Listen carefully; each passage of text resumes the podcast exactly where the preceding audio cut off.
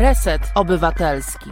Dobry wieczór. Jest wtorek, 18 maja 2021 roku. Minęła godzina 19. Ja nazywam się Konrad Szołajski. Zapraszam Państwa na cotygodniowy program pod tytułem Na Wspak. Program jak zwykle realizuje Krzysztof Kołaczek, a producentem dzisiaj jest, za to bardzo dziękujemy, Waldemar Wysokiński.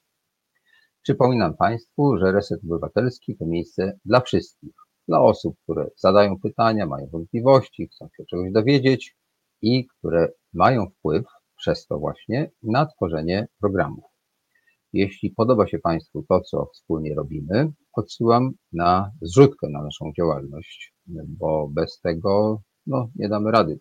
Po prostu trzeba parę groszy za różne rzeczy zapłacić. Mogą Państwo zostać producentami, sponsorami, czy wesprzeć nas niewielkimi kwotami. O wszystkim można przeczytać e, w linku, który teraz tutaj Państwu zaprezentuję. zrzutka.pl ukośnik z ukośnik reset obywatelski. Można też e, nas oglądać na Twitterze, na Facebooku. Zachęcam oczywiście do lajków, do subskrypcji, do obserwowania tego, co robią moi koledzy, no i ja także. I przede wszystkim do podawania w świat informacji, że istniejemy i są programy na różne, mam nadzieję, ciekawe tematy. Dzisiejszy nasz temat to właśnie nie ma takiego tematu tematu. Dzisiaj będą po prostu dwaj bardzo interesujący moi znajomi, artyści, którzy opowiadają o Polsce, opowiadają o tym, co wokół nas. Co jest takim moim konikiem, mianowicie jak opisywać świat, w którym żyjemy. Są to, e, później się pokaże Henryk Sawka, to na razie go tak przedstawię tylko skrótowo, ale przede wszystkim pierwszym gościem, który mam nadzieję wypełni swoją twórczością i informacjami na temat tego, co robi pierwszą godzinę naszego programu, Maciej Pinkwart. Witamy Cię Maćku. Dzień dobry, kłaniam się pięknie. Bardzo krótko, bo potem Maciek powie o sobie więcej. E, przedstawię go tak. Pisarz, autor powieści, e, jakie to potem powiemy, tomów poezji, jakie też powiemy, przewodników turystycznych nie tylko po Polsce, głównie po Zakopanem, ale także po Francji, Słowacji, Grecji i tak dalej. Dziennikarz, radiowiec, dokumentalista, felietonista, historyk i organizator życia muzycznego w Zakopanem, no i także wykładowca, nauczyciel e, w szkole, która tam działa. No to tak najkrócej, kim jest Maciek. Może jeszcze, zanim Maciek zacznie mówić, a jak zacznie, to potem nie będziecie Państwo chcieli słuchać mnie, tylko Maćka, bo on to robi bardzo dobrze. Powiem, jak żeśmy się poznali, bo to jest istotne. E, mianowicie poznaliśmy się na cmentarzu. Poznaliśmy się na cmentarzu w taki oto sposób, że. Obaj jeszcze byliśmy bohaterami zewnętrznymi, drugiego planu. Tak, znaczy nie byliśmy tymi głównymi, tylko byliśmy takimi jakby trochę obserwatorami, a trochę pomocnikami. Mianowicie e, dokonywaliśmy tam e, próby odnalezienia szczątków Witkacego, Stanisława Ignacego Witkiewicza. A jako, że Maciek jest zakopiańczykiem z wyboru i historykiem i takim człowiekiem, który tam różne detektywistyczne działania podejmował, to pomagał mi e, no, w znalezieniu tego miejsca, gdzie Witkacy mógł być pochowany, a także wskazywał, że na przykład niektóre z osób, które tam są pochowane, mają dwa groby. Na jednym cmentarzu i na drugim cmentarzu. No i tak właśnie doszło do tego, że zaczęliśmy ze sobą rozmawiać. Wystąpił w filmie pod tytułem Zdziczenie obyczajów pośmiertnych. Czasem polska telewizja mogłaby go jeszcze wyświetlić, bo jest jednocześnie smutny i zabawny. To jest taki właśnie film o Witkacym, więc w takim tonie został zrobiony. No, ale tyle może mojego wstępu. E, teraz Maćku, zacznijmy od tego, e, skąd ty się w ogóle wziąłeś na świecie? Jak to się stało, że w Milanówku zrodził się człowiek, który potem stał się jednym z filarów zakopieńskiego życia kulturalnego, pisarskiego i tak dalej. Ale nie byłeś e, stamtąd, spod Warszawy. To znaczy, mm, ja dokładnie nie pamiętam, prawda, jak to się stało przedtem, e, no ale moi rodzice mieszkali e, wówczas w Milanówku. No i tak jakoś ten Milanówek też był takim trochę mm, z wyboru miejscem, ale to nie był mój wybór, tylko był przede wszystkim wybór mojej mamy. Ja w Milanówku spędziłem no, pierwszych kilkanaście lat swego życia. Zdałem tam maturę we wspaniałym tamtejszym liceum. No i potem poszedłem na studia do Warszawy, jeszcze mm, dojeżdżając mm, z Milanówka. No i to było bardzo zabawne, dlatego że e, poszedłem na studia z przypadku trochę na egiptologię, mm, na orientalistyce na Uniwersytecie Warszawskim, e, dlatego że chciałem iść na chemię.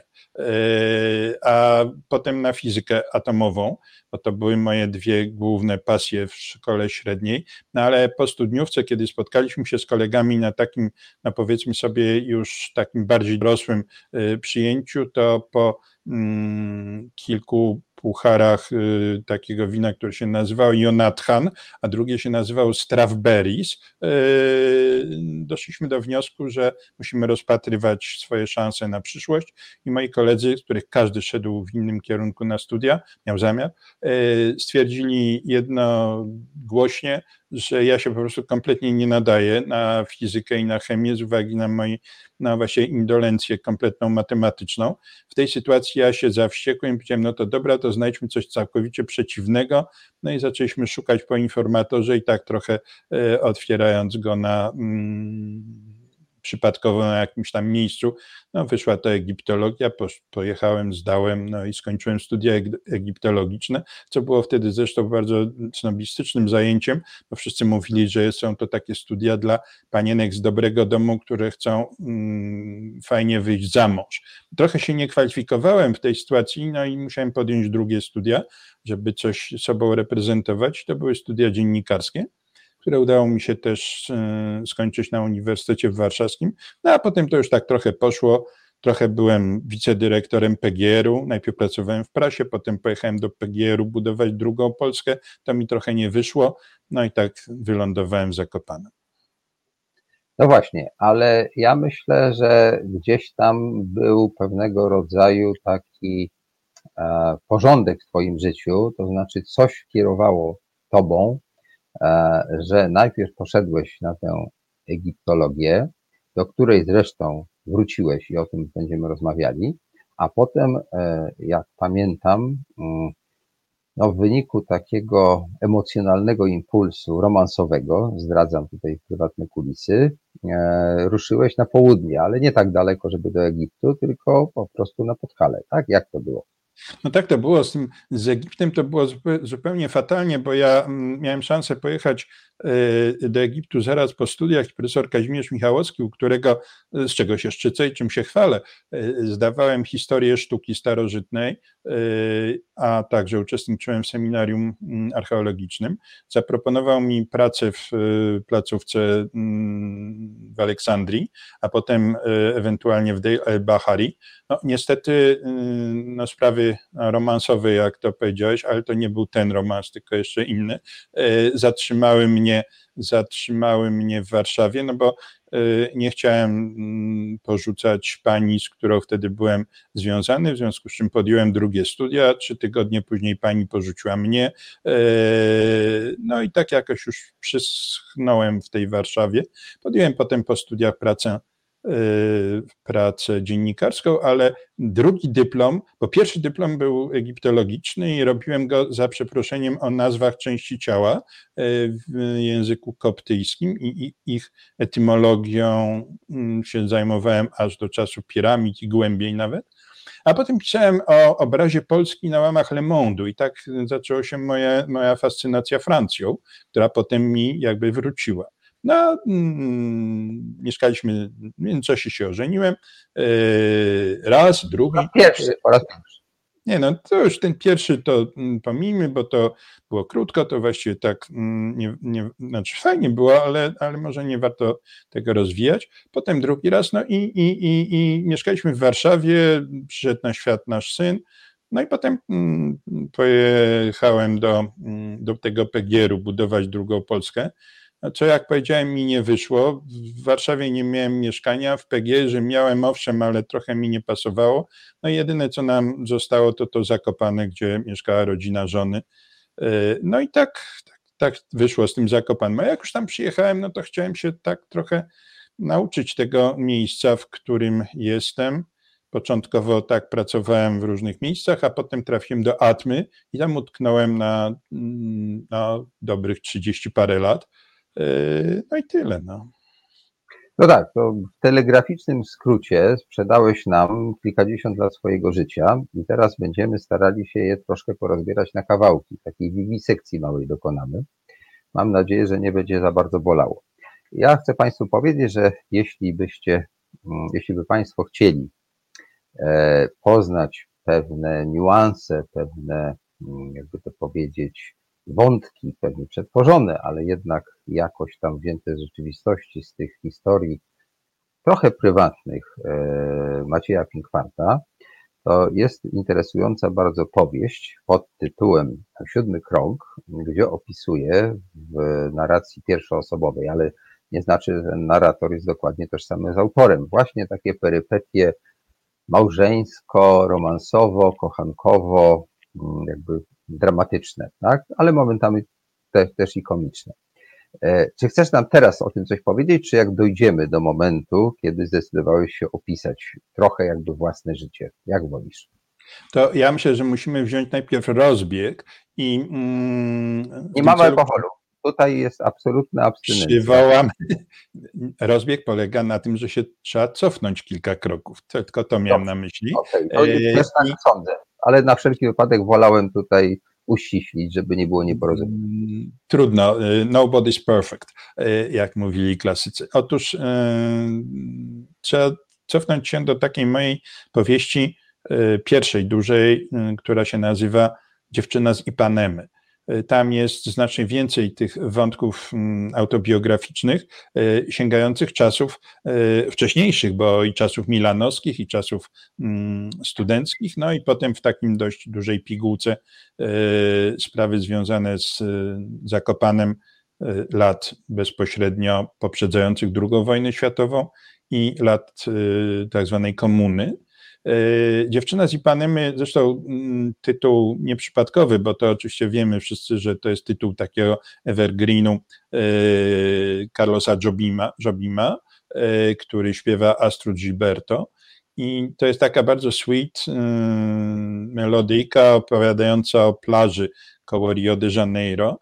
Y, i zawsze mi się to tak kojarzyło bardzo kontrastowo w Tatrach, w górach, dlatego ta moja książka zaczyna się mm, jakby echem tej, tej y, piosenki y, słyszanym gdzieś wysoko w Alpach w sytuacji na drastycznie zimowej, że tak powiem, czyli zupełnie przeciwstawnej do tej piosenki. No i taki punkt wyjścia do rozmaitych spraw. Nie będę książki streszczał, bo łudzę się zawsze nadzieją, że może ktoś zechce po nią sięgnąć i, i nie będę go do tego mm, zniechęcał. Natomiast no, ta powieść, o której powiedziałaś, to, to właściwie trudno ją nazwać mm, autobiograficzną. Notabene wszystkie historie, które mm, piszę, takie beletrystyczne, niezwiązane z historią, taką mm, prehistoryczną historią, że tak powiem, e, próbowane, próbują ją czytelnicy interpretować te rzeczy jako właśnie fragmenty autobiografii biografii. Taki pierwszy mój zbiór mm, opowiadań pod y, tytułem, no nie wiem, czy w tej audycji można taki tytuł y, wymienić. Otóż tytuł ten jest Denaturalizm, y, co w kontekście Twojej takiej deklaracji antyalkoholowej może nie być dobrze widziane. Otóż... Nie, nie, ale ja nie mówiłem o tym, że jestem aż takim przeciwnikiem alkoholu. Mówiłem tylko o tym, że tutaj panuje prohibicja narzucona nam przez redaktora Celińskiego i pandemię, ponieważ nie spotykamy się fizycznie. To po prostu tak. Ja rozumiem. No zresztą pandemia to był tragiczny czas, w którym, jak to, jak to się mówiło, nasze ręce miały większy kontakt z alkoholem niż nasza wątroba. Yy, ale to szczęśliwie już mija yy, i myślę, że yy, powiem o tych dziesięciu opowiadaniach z cyklu, mm, z tego pierwszego tomu Denaturalizm. To było napisane z takim podtytułem dziesięć opowiadań o miłości. Każde było inne, kompletnie wymyślone, takie zupełnie nie mające mm, związku z rzeczywistością, poza jednym opowiadaniem, które było prawie że reportażem e, z jednej mojej takiej wyprawy do miejscowości Pasym na na, na Mazurach.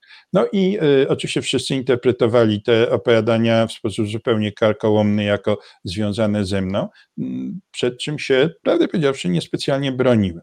I dokładnie to samo było z tym siódmym kręgiem, o którym, o którym mówisz, ponieważ no, już naprawdę no, różne rzeczy pisywałem o sobie, no ale aż tak y, od, odlecianych historii, jak są w tej powieści, no to no, no mogłem je tylko wymyślić. Niestety nie da się tego przeżyć, y, no bo to jest czystej wody fantazja.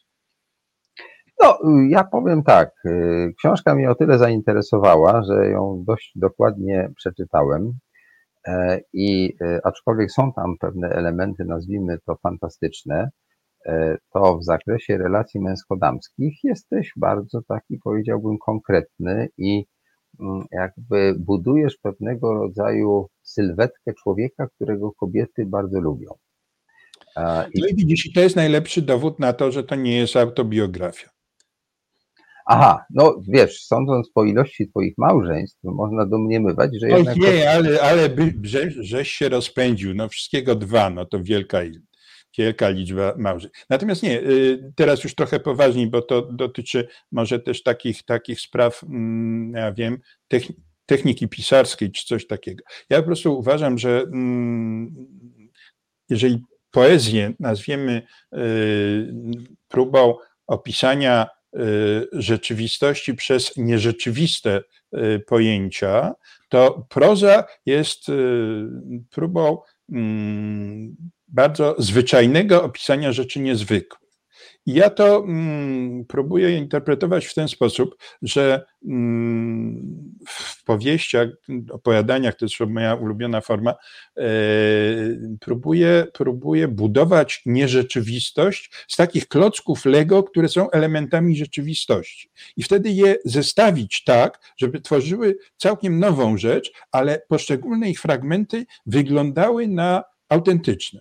W sumie jest to nieautentyczne, nieprawdziwe, wymyślone, natomiast sprawia pozory rzeczywistości. I wtedy można próbować tak oszukiwać. Trochę to tak y, tłumaczę czasami swoim, swoim uczniom, których uczę literatury w Zakopiańskiej Szkole Artystycznej, że to jest trochę tak, jak jedziesz i opisujesz biały Dunajec, przez który, prawda, no nie wiem, twój, bohater twojego opowiadania przejeżdża, to wszyscy kiwają głową, okej, okay, znamy, znamy biały Dunajec. Potem opisujesz czarny Dunajec, prawda, gdzie się znajduje twój bohater i też, no wszyscy znamy czarny Dunajec, jeździmy tamtędy i tak dalej. I potem opisujesz zielony Dunajec. E, Którego równie, naprawdę nie ma. Równie realistycznie jak tamte dwa. No i twój czytelnik czyta, to mówi, no dobra, byłem w Białym Gdańcu, byłem w Czarnym Gdańcu, w Zielonym jeszcze nie byłem, ale może pojadę.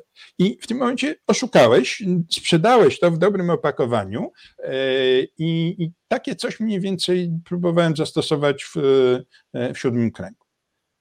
No tak, i tam trochę tak jest, że zaczynamy wierzyć w pewne rzeczy, które wyglądają na prawdziwe, a które wymyśliłeś. I one mają pewną taką wiarygodność, właśnie wynikającą z przeniesienia tych spostrzeżeń autentycznych e, i nam się wydaje, że właściwie wszystko jest prawdziwe, a potem się okazuje, że to niemożliwe.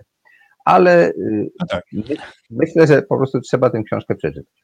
Dobrze, słuchajcie, drodzy Państwo, e, ja zachęcam, żeby ci z Państwa, którzy będą chcieli zadać trudne, krępujące, a może bardzo takie dogłębnie badające pytania, to żeby napisali na czacie albo zadzwonili i mam nadzieję, że Maciek nie będzie się bronił przed odpowiedziami.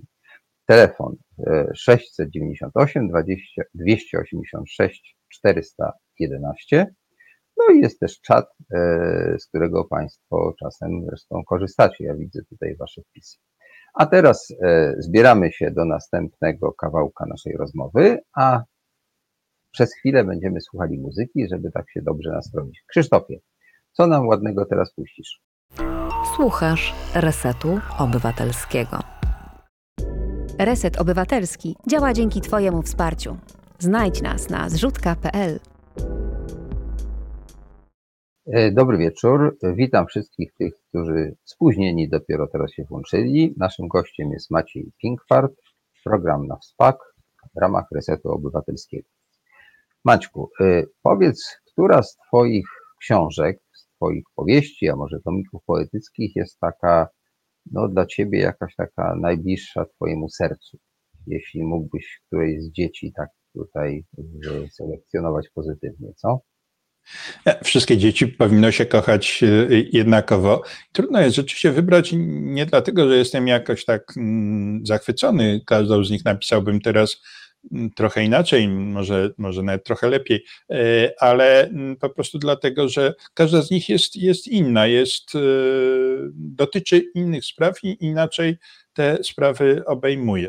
Ja myślę, że najbardziej lubię taką książkę, o której, o której no, dwie może tutaj wybiorę, ale obydwie mają, że tak powiem, podtekst historyczny. E, żadna z nich na szczęście nie może być interpretowana jako, jako element mojej biografii, e, nawet w postaci takich klocków rzeczywistości. Pierwsza to jest powieść Magdalena, której tytuł no, powinien zasugerować e, miejsce akcji. Miejscem akcji jest basen Morza Śródziemnego, a czasem akcji jest pierwszy wiek naszej ery. No więc można się domyśleć, e, jacy będą bohaterowie w tej, mm, tej książce. Zresztą za chwilę do tego wrócę. A druga książka to też basen Morza Śródziemnego i też bohaterowie, mm, no powiedzmy sobie, drugiego planu. To znaczy nie tacy, którzy, którzy są powszechnie znani na lekcjach y, historii mm, szeroko omawiani. Y, ta powieść to się mikropowieść Atlantyda. Y, pierwsza to oczywiście pokazuje postać Marii z Magdali, której peregrinacja od właśnie Magdali przez całą Palestynę, Morze Śródziemne do Francji, a dokładniej do mm, Prowansji, Langwedocji, no jakby pociągnęła mnie szalenie z dwóch powodów. Po pierwsze, znam te tereny i bardzo je lubię.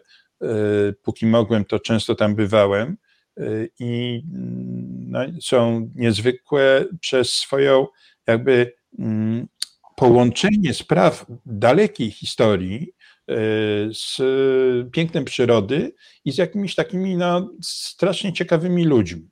Może tak. Yy, a drugie to jest to, że mm, zawsze mnie yy, irytuje to, że w mm, księgach, które stanowią kanon naszej kultury, także w tak zwanych świętych księgach, czy też księgach, które no, mieliśmy obowiązek znać jako ludzie wykształceni, mam na myśli na przykład Homera, Biblię i tak dalej, i tak dalej. Wszystko to, co do nas teraz dociera, jest kompletnie nieakceptowalne językowo. To znaczy, to, to wszystko mm, od początku do końca tchnie e, nieprawdziwością filologiczną, że tak się e, wyrażę. I historię Magdaleny próbowałem opisać językiem może nie tyle współczesnym, tylko normalnym, o tak bym to e, powiedział. Zresztą nie było łatwe, bo, bo mm, strasznie mm, fajnie się tak to opowiada o, o tym, jak się po prostu bezpośrednio czerpie z tych takich y, dawnych źródeł, no ale y, weź oblicz teraz, ile osób mogło pomieścić się na statku, y, który płynął z Palestyny do mm, Saint-Marie de la Mer w Prowansji, ile osób tam mogło być, jaki musiał być napęd, ile i czego mogli zjeść i tak dalej. Krótko mówiąc, znów wracamy do tego, co powiedziałem wcześniej. Te elementy rzeczywistości, w tym przypadku po prostu no wręcz mm, techniczne y, szczegóły, czy, czy nie wiem, przyrodnicze, y, w jakich y, walutach się mm, można było rozliczać, ile wynosiły podatki i tak dalej, i tak dalej. Weź to teraz opisz w języku biblijnym. No nie da się, ale jednocześnie trzeba unikać wszelkiego rodzaju uproszczeń i takich prób, no nie wiem, było tego, Janusz Głowacki pisał, prawda, między między innymi, prawda, o kolejnym przyjściu e, Chrystusa w Nowym Jorku i tak dalej, i tak dalej. To są wszystko sprawy bardzo ryzykowne. Ja próbowałem zatrzymać akcję e, w tamtych czasach i w tamtym miejscu, na tyle, na ile te czasy i tamte miejsca e, znam. Natomiast co do Atlantydy, zawsze fascynowała mnie właśnie nie, nie bajkowa historia i filozoficzna, jak ją, jak ją widział Platon, tylko taka, y, powiedziałbym, przygodowo-ekonomiczna, o może tak. i, mm, no i próbowałem opisać historię Atlantydy rozumianej jako e, imperium minojskie, rozgrywa, rozgrywany niejako przez władców e, Krety i e, Santorinu, czyli Tery dawnej. To mm, fakt, że głównym bohaterem tej mm, powieści jest Dedal, to już jest zupełnie inna historia, bo to kolejna postać, której tylko, że tak powiem, liznęliśmy jej historię w szkole, a rozbudować ją musiała trochę fantazja, no i trochę jakaś tam wiedza związana z archeologią tamtych rejonów. To, co mnie w tych książkach y, zaintrygowało, zaciekawiło, to y, na przykład y, taka sprawa, mianowicie coś, co ty, czego ty przed chwilą dotknąłeś. Mianowicie ty to tak opisujesz, że rzeczywiście mamy poczucie dotykania tej rzeczywistości. Jest coś takiego, że to jest trochę jakby taki reportaż.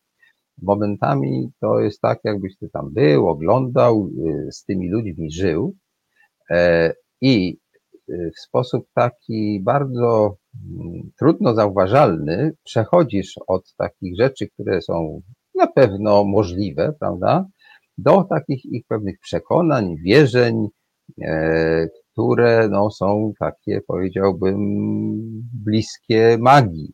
E, I to jest bardzo fajne, że w którymś momencie zaczynamy traktować na przykład syreny, e, z którymi obcuje Dedal, tak, któremu tam on im pomaga, one jemu pomagają, jak istoty, które naprawdę no, wokół są, tak? Tak jakby to były normalne, nie wiem, jakieś stwory, no nie wiem, właśnie u nas takich teraz nie ma, bo są albo zwierzęta, albo ludzie, tak? A tam jest coś takiego na pograniczu.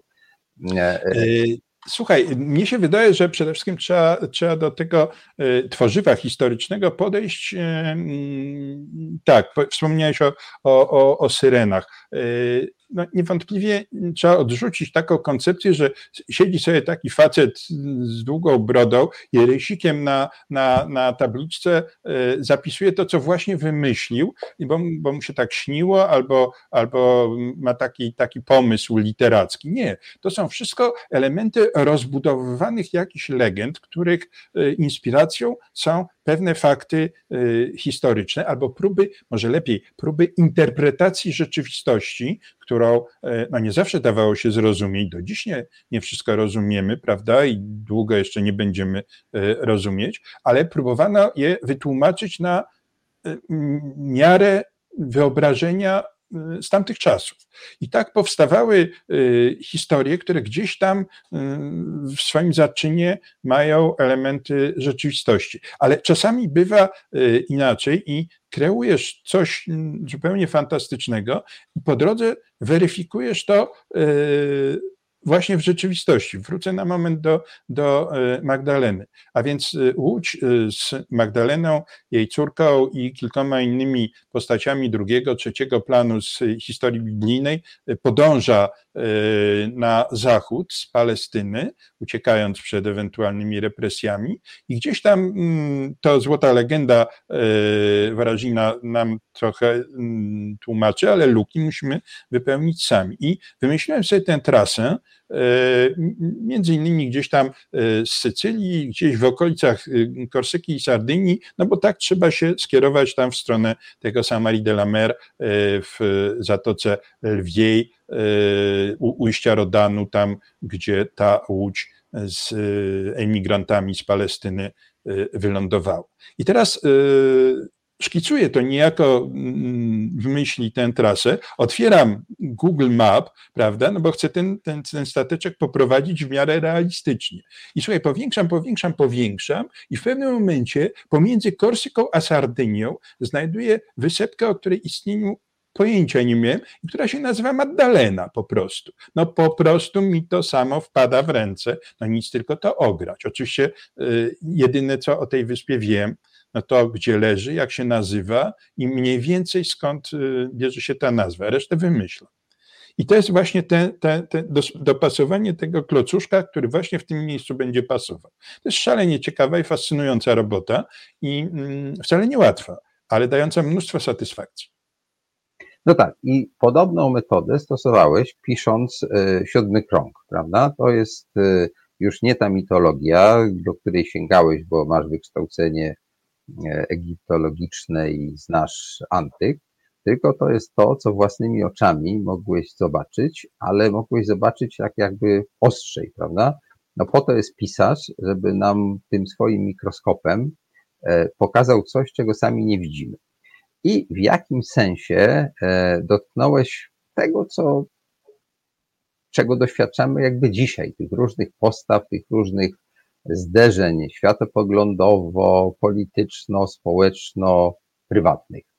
To mi się w tej powieści bardzo podobało i to nam w pewnym sensie daje przejście do Twojego takiego, no powiedzmy wprost, zaangażowania społecznego, a może nawet politycznego, tak? Bo siódmy krąg pokazuje, że nie uciekasz tylko gdzieś tam w rejony e, antyku, który zresztą opisujesz tak, jakby to było dzisiaj, tylko próbujesz się mierzyć z tym, co jest dzisiaj. Więc teraz przygotuj się tak moralnie, e, że będziesz zeznawał e, na procesie swoim, no, oskarżony o to, że krytykujesz nadmiernie dzisiejszy świat, który nas otacza. Przygotuj mowę obrończą, a my znowu posłuchamy muzyki. Słuchasz Resetu Obywatelskiego. Reset Obywatelski. Medium, które tworzysz razem z nami. Komentuj, pisz i wspieraj. Witam wszystkich tych, którzy dopiero teraz, niech żałują, włączyli się do tego naszego programu. Naszym gościem specjalnym jest Maciej Pinkfart. E, ja się nazywam Konrad Szołajski, producentem jest Waldemar Wysokiński, realizuje Krzysztof Kołaczek. Dobrze, e, drogi gościu, e, teraz przechodzimy do trudnego świata dzisiejszego, czyli polityki, społeczeństwa i tak dalej. Nasi odbiorcy tutaj się interesują na przykład tym, czy górale przyjęcie jako swojego, czy już tam jesteś góralem, czy na razie jesteś jeszcze a, e, no, taki warszawiak? Jak to jest? E, no, bardziej mieszkając Milanówka może niż warszawiak, chociaż no nie, w Milanówku mieszkałem dłużej niż, niż w Warszawie. E, pani Olga pyta, czy zrozumiałem góralski naród. O ile wiem, tylko po 1945 roku pojęcia góralski naród, a wówczas był to przetłumaczony dość, dość mm, dobrze na słowo Goralen Folk. Po 1945 roku takiego, takiego sformułowania użyła tylko raz pani Beata Szydło na spotkaniu w Zakopanem, gratulując e, góralom, którzy są wspaniałym narodem, e, bo odrzucili konwencję antyprzemocową. E, I z tego tytułu trudno mi jest się ustosunkować do pojęcia góralski naród, ponieważ go nie akceptuję. Nie ma czegoś takiego jak góralski naród. Można mówić o odrębności etnicznej, chociaż to jest szalenie dyskusyjne, bo dobry Pan Bóg nie stworzył górali od razu het precz pomiędzy Gorcami a, a, Giewontem, e, tylko ci ludzie, którzy tutaj dotarli, przyszli skądś, prawda, z różnych stron, głównie z terenu y, Małopolski z rejonów podkrakowskich i e, wokół sandomierskich. Potem oczywiście był substrat e, bałkański, wołoski. Jesteśmy typową ziemią pogranicza, która, e, która kształtowała się na przestrzeni mm, wielu stuleci przez napływ rozmaitych elementów. I tak wytworzył się ten konglomerat, który zamieszkuje Podhale, przy czym sformułowanie góralski implikuje od razu, że to byli ludzie związani z górami. No, naturalnie tak, tylko że nie zawsze, bo górale zaczęli chodzić w góry, a, a tym samym stali się góralami dopiero wtedy, kiedy pasterstwo ruszyło e, w Tatry, e, z uwagi na fakt, że to był właśnie ten element wołoski, czyli pasterstwa migracyjnego. A był to XIV-XV wiek, więc trochę, trochę późno w historii naszych e, rejonów. Co do mojego zdania o tubylcach, y, trudno mi powiedzieć. Sam jestem tubylcem, bo mm, nie wiem, czy pani Olga mogłaby zdefiniować, y, od ilu pokoleń trzeba mieszkać y, pod Tatrami, jak daleko od tych Tatr, żeby być uważanym za górala. No,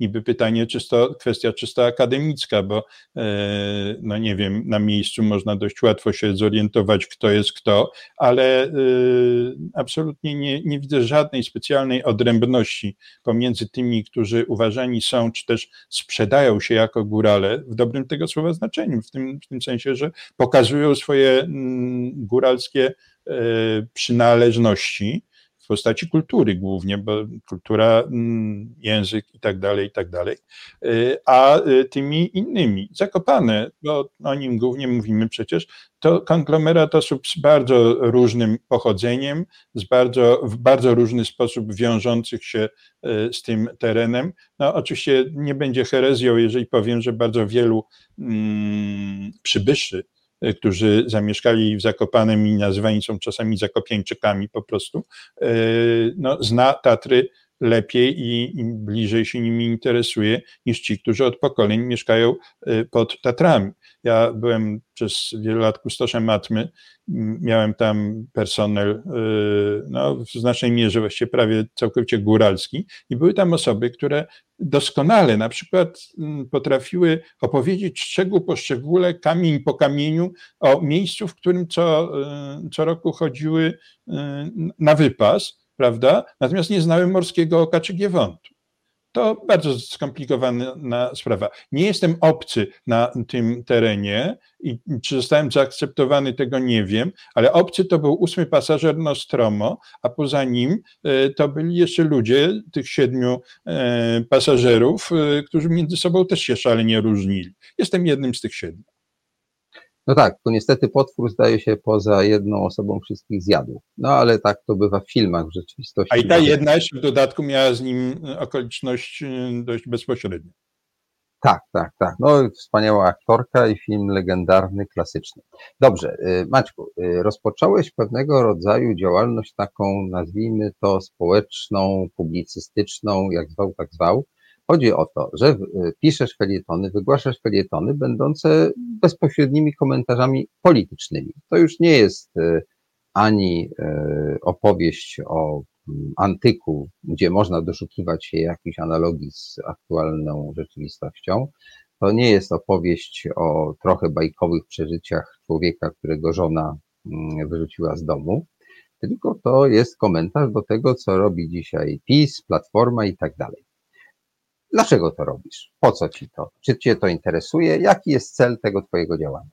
Mnie interesuje to, y, w czym żyję i co mnie otacza. Y, I to nie jest do końca prawda, że w moich felietonach y, jest tylko takie żonglowanie. Ja nie mówię, że tylko. Ja mówię tylko, że tam jest taki element bardzo bezpośredni. Oczywiście, że jest, ale są też tam elementy dotyczące Podhala. E, zajmuję się astrofizyką i e, ewolucją genetyki i tak dalej, i tak dalej. Czyli wszystko to, co stanowi przedmiot mojego zainteresowania i z, z myślą o czym e, kładę się spać i czasami się nawet budzę. A że są tam sprawy polityczne, oczywiście, że tak. No, jestem z tego pokolenia, które choćby trzymało się z daleka od polityki, to polityka nie da mu spokoju, bo ja się urodziłem w 1948 roku i wszystkie moje, że tak powiem, dorosłe sprawy y, musiały się ocierać o mm, politykę i ocierały się o politykę. Nie jestem fanem y, spraw politycznych i gdybym mógł y, dokonywać jakichś wyborów jeszcze raz w życiu, to prawdopodobnie byłbym mm, kompletnym anarchistą, no bo każda władza, najpierw można powiedzieć, jest irytująca, e, denerwująca i każda władza przeszkadza e, ludziom. No ale podejść do tego w ten sposób nie sposób, bo jednak mimo wszystko jakaś organizacja państwa jest potrzebna, więc jeżeli nie mogę e, tej władzy tak całkowicie zaakceptować, to przynajmniej posługuję się nią do tego, żeby mnie rozbawiała, bo nie zawsze trzeba na wszystko patrzeć strasznie poważnie i wiesz, użyłeś takiego sformułowania zaangażowanie społeczne. Nie, ja jak byłem znacznie młodszy, to jeszcze e, wierzyłem w takie, w takie rzeczy. Natomiast teraz po prostu opisuje rzeczywistość i próbuje wychwytywać w niej wszystkie idiotyzmy, nielogiczności i rzeczy, które mm, mogą stanowić temat dla mm, dobrej konwersacji, a że czasami irytują, no często niestety, no to takie jest nasze życie i temu się przyglądamy i to nas cieszy. No, no tak, ale e, będąc e, człowiekiem no, z dorobkiem, tak, jesteś i działaczem, którego praca została doceniona, i poetą, pisarzem, i tak dalej, i tak dalej. Mógłbyś spoczywać na laurach, chodzić na akademię jako ciekawa osoba, szczególnie na Podhalu, gdzie, jakby to powiedzieć, no, panuje taki klimat, że raczej e, te elementy krytyczne są tonowane, a taki jak gdyby pewien e, zachwyt, a przynajmniej akceptacja dla tego, co się dzieje w Polsce od paru lat, panuje, prawda? No wyniki głosowania takie są. No to jednak wybrałeś drogę krytyka, wybrałeś drogę człowieka, który szuka dziury w całym coś takiego w tobie jest, co powoduje, że chce ci się, tak? Bo mógłbyś przecież postępować inaczej. Prawdopodobnie miałbyś w tej chwili już jakiś medal, e, który by chciał ci przypiąć przynajmniej burmistrz, jak nie prezydent, albo jakiś inny wysoki urzędnik. No więc jest w tobie coś takiego, co powoduje, że, że się nie zgadzasz, tak? Jak to jest? Chyba, źle bym się czuł w roli medalisty, e, bo to zawsze powinno oznaczać jakąś rywalizację, w której pokonuje się innych. E, nie lubię tego i uważam, że, że jestem jednym z elementów e, kolorowej rzeczywistości, jaka istnieje e, tu i, i teraz. Na Podhalu mieszkając, oczywiście skaz, skaz, decydując się na Podhale, skazałem się mm, na swojego rodzaju marginalizację spraw mm, takich centralnych przy pełnym, że tak powiem, rozkwicie. No, czerpałem pełnymi garściami z tej opinii, że cała Polska kocha Podhale, wszyscy uwielbiają Tatry i Zakopane, no to i ja się przy tym ogrzeję troszeczkę.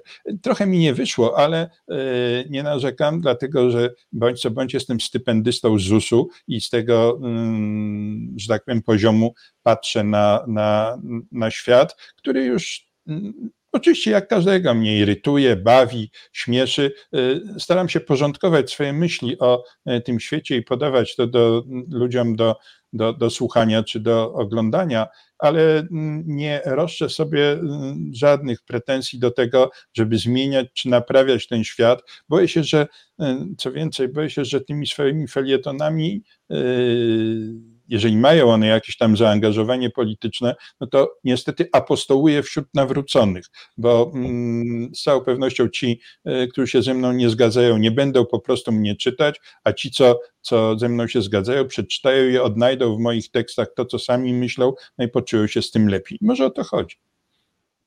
Świetnie. Słuchaj, to tak. Y, ostatnie y, słowa chciałbym, żebyś poświęcił temu, co byś chciał zmienić? Jaka jest, masz taką sprawczość sobie, tak?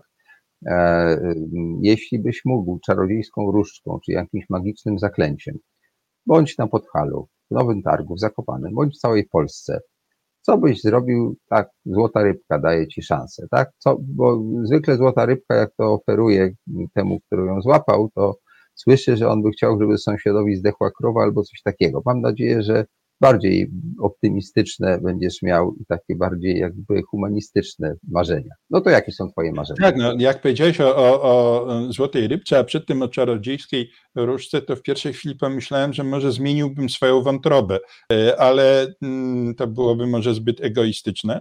E, natomiast ja taka ogólna, znaczy marzenie i rada, to to, żebyśmy przestali być tak cholernie serio yy, i żebyśmy zeszli z tych wszystkich koturnów, które są tak, tak strasznie sztuczne, yy, że ci, którzy na nich są, musieli w to uwierzyć, że nie są śmieszni, tylko że są wzniośli. Niestety nie są. Całkowicie się tutaj z Tobą zgadzam. Tutaj myślę, że nasze drogi nie bez przyczyny się skrzyżowały na cmentarzu, e, gdzie zastanowiliśmy się nad losami Witkacego, ale także opowiedziałeś mi sporo ciekawych i zabawnych anegdot o tym, jakie były pomyłki nie tylko związane ze Stanisławem Ignacym Witkiewiczem. Także widzę, że życie, że tak powiem, kieruje losami takich ludzi jak ty i ja i dobrze, żeśmy się spotkali. Mam nadzieję, że jeszcze będzie okazja. Bardzo Ci dzisiaj dziękuję w imieniu swoich ja odbiorców i może do następnego spotkania. Dziękuję bardzo. Kłaniam się. Dobranoc. Krzysztofie, kawałek muzyki i za chwilę będziemy mieli, będziemy mieli następnego też bardzo ciekawego gościa. Słuchasz Resetu Obywatelskiego. Znudzeni mainstreamowymi newsami? Czas na reset obywatelski. Zaangażowane dziennikarstwo. Dobry wieczór Państwu. Konrad Szołajski, program na WSPAK w ramach Resetu Obywatelskiego. Dzisiaj jest trochę nietypowo, bo postanowiłem zaprosić po kolei dwóch bardzo interesujących moich znajomych, ale osób, które no, publicznie funkcjonują tak, że warto z nimi rozmawiać, ponieważ są to twórcy.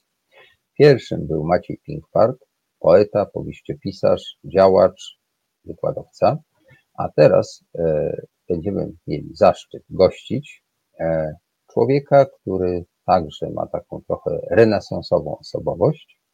Mianowicie jest to Henryk Sawka. Dobry wieczór.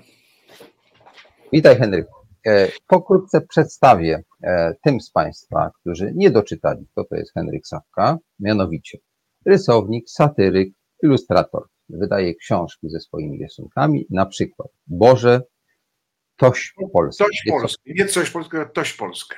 Tak, tak, litera T tam jest. Wprost od Sawki, Sawka większy niż życie, The Best of Sawka, sceny z życia małżeńskiego. Pisze skecze, parodie, trawestacje utworów literackich oraz prowadzi własną grupę muzyczną, która się nazywa Sawka Klezmer Band.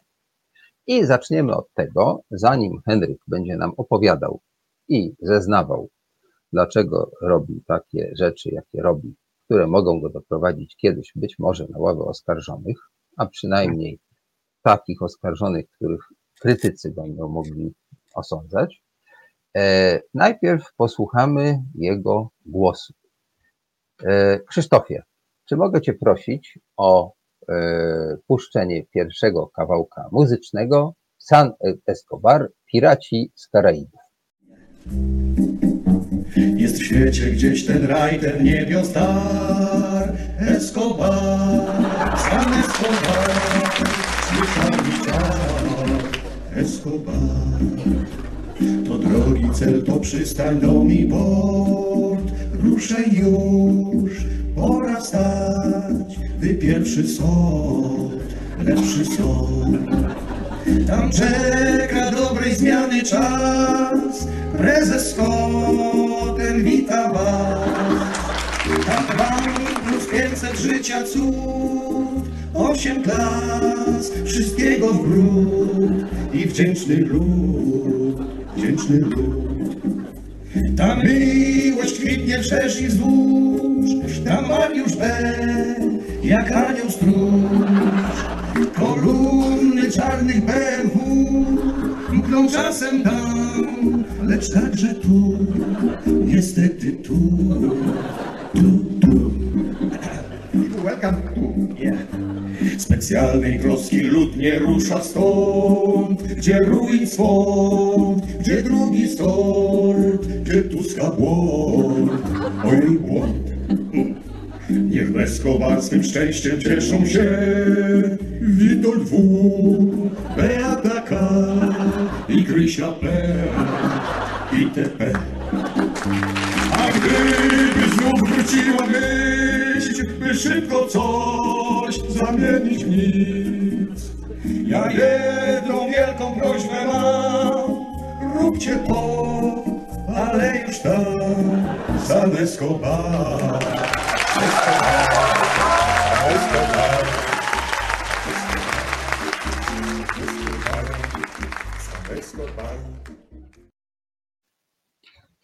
Henryku, e, jako że jesteś twórcą o szerokim spektrum, zaczęliśmy od ciebie jako konkurenta piosenkarzy. E, ale w tym utworze e, występujesz nie tylko jako ten, który na scenie pięknie śpiewa, ale także jako taki przenikliwy obserwator sceny politycznej.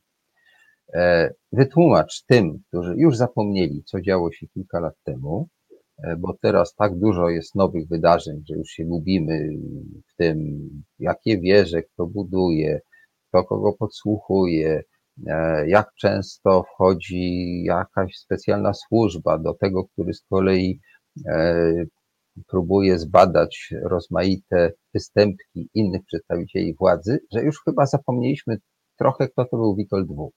Przypomnij. E, Witold W, oczywiście Witold Waszczykowski chyba, tak, pamiętam z tego, to jest twórca państwa Sady Skobar.